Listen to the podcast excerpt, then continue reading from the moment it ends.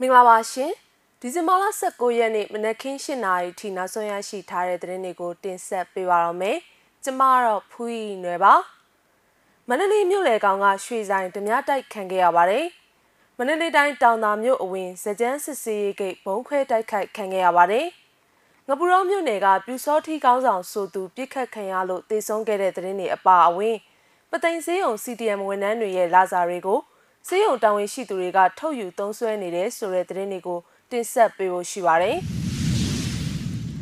ဦးဆုံးသတင်းအနေနဲ့မန္တလေးမြို့လေကောင်ကရွှေဆိုင်ဓမြတိုက်ခံခဲ့ရတဲ့သတင်းကိုတင်ဆက်ပေးခြင်းပါတယ်။မန္တလေးမြို့မင်္ဂလာမန္တလေးအိမ်ယာရှိငွေလဲလုပ်ငန်းတစ်ခုဒီဇင်ဘာလ18ရက်ညနေပိုင်းကဓမြတိုက်ခံခဲ့ရပြီးတဲ့နောက်ဒီဇင်ဘာလ18ရက်ညနေပိုင်းမှာရွှေဆိုင်ဓမြတိုက်ခံရမှုထပ်မံဖြစ်ပွားခဲ့တာပါ။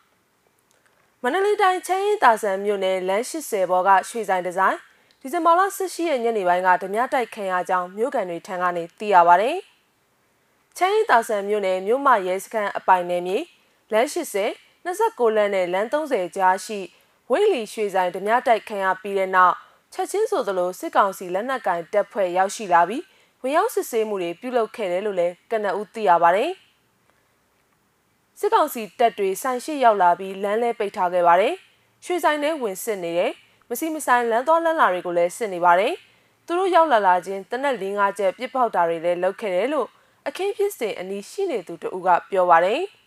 ။ဆိုင်ကယ်နှစ်စီးစီးလာသူလူ6ဦးကဝင်ရောက်ဓမြတိုက်သွားတာဖြစ်ပြီးပြစ်ခတ်မှုတွေလည်းရှိခဲ့ပြီးတော့ပစ္စည်းပါသွားခြင်းရှိမရှိကိုတော့စစ်ဆေးနေစေဖြစ်တယ်လို့အခင်းဖြစ်စဉ်အနီးနားနေထိုင်သူတွေကပြောပါတယ်။ မန္တလေးမြို့မှာဒီဇင်ဘာလ18ရက်ညနေပိုင်းကလည်းချမ်းမြသာစီမြို့နယ်မင်္ဂလာမန္တလေးအိမ်ယာရှိငွေလွှဲလုပ်ငန်းတစ်ခုဓမြတိုက်ခံခဲ့ရပြီးငွေကျပ်သိန်း3000ခန့်ပါသွားတယ်လို့သိရပါဗျ။မန္တလေးတိုင်းတောင်သာမြို့အဝင်စကြမ်းစစ်စေးရေးဂိတ်ကိုဒီဇင်ဘာလ18ရက်မနက်9:00နာရီခွဲလောက်ကဘုံဖောက်ခွဲတိုက်ခိုက်မှုပြုလုပ်ခဲ့တယ်လို့ဒေသခံပျောက်ကြားတပ်ဖွဲ့ကထုတ်ပြန်ပါတယ်။အဲ့ဒီဖောက်ခွဲမှုကိုအဝေးထိန်မိုင်းတစ်လုံးအုံပြုဖောက်ခွဲခဲ့တာဖြစ်ပြီး စစ်ကောင်စီတပ်ဖက်ကထိခိုက်သေးဆုံးမှုရှိနိုင်တယ်လို့ဆိုပါတယ်။အဲ့ဒီကိတ်ကလမ်းမကြီးပေါ်မှာရှိတာတော့မဟုတ်ပါဘူး။အတွင်းဘက်မှာရှိတာပါ။ရွာတွေကနေဈေးကိုကုံစိမ်းသွားရောက်တဲ့သူတွေဘာတွေကိုစစ်တဲ့ကိတ်ပါ။စစ်သား၄ယောက်လောက်တော့ရှိတယ်။နှစ်ကောင်သေးတယ်နှစ်ကောင်တန်ရာရတယ်။ဒဏ်ရာရတဲ့တယောက်က6ရောက်ရောလက်ရောပြတ်သွားပါတယ်။၄ယောက်လုံးတော့သေတော့တယ်လို့တောင်သာဒေသအခြေဆိုင် TTA ပျောက်ကြားတပ်ဖွဲ့ဝင်ကပြောပါတယ်။ အဲ့ဒီတိုက်ခိုက်မှုကို TTA ပျောက်ကြားတပ်ဖွဲ့နဲ့မြေလက် PDF တို့ပူးပေါင်းလှုပ်ဆောင်ခဲ့တာဖြစ်ပါတယ်။ပြီးခဲ့တဲ့နိုဝင်ဘာလ3ရက်နေ့ကလည်းမြင်းကျင်မြို့နယ်တောင်သာမြို့ကြားရှိစစ်ကောင်စီတပ်ရဲ့ငွေကြေးကောက်ခံနေတဲ့တောင်ကြားမောင်းတုံးဂိတ်ဖောက်ခွဲတိုက်ခိုက်ခံခဲ့ရပါသေးတယ်။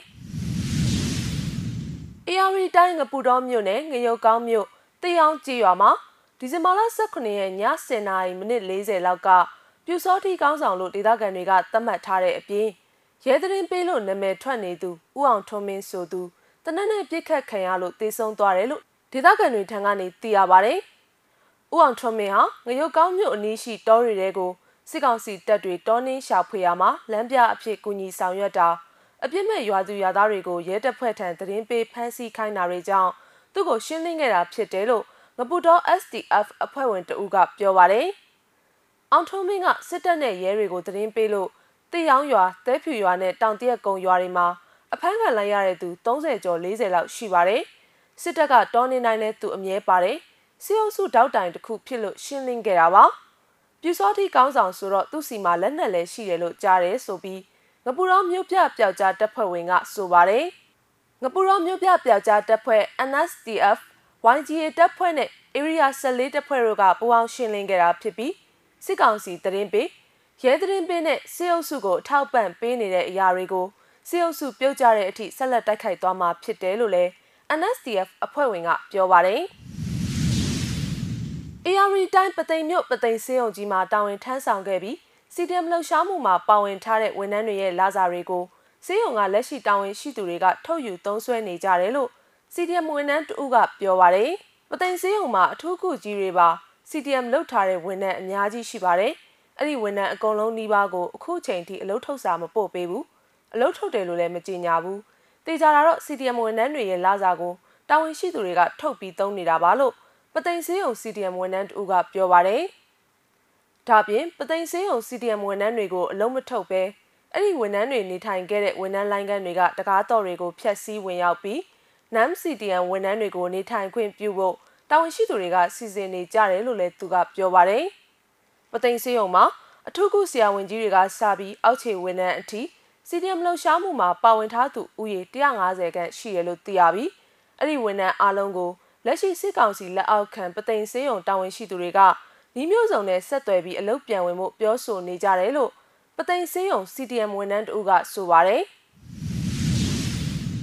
မစ္စမ TV ရဲ့နောက်ဆုံးရသတင်းတွေကိုတင်ဆက်ပေးကြတာပါ။စောင့်မျှော်ကြည့်ရှုခဲ့ကြတဲ့ပရိသတ်တွေအားလုံးကိုကျေးဇူးအထူးပဲတင်ရှိပါတယ်ရှင်။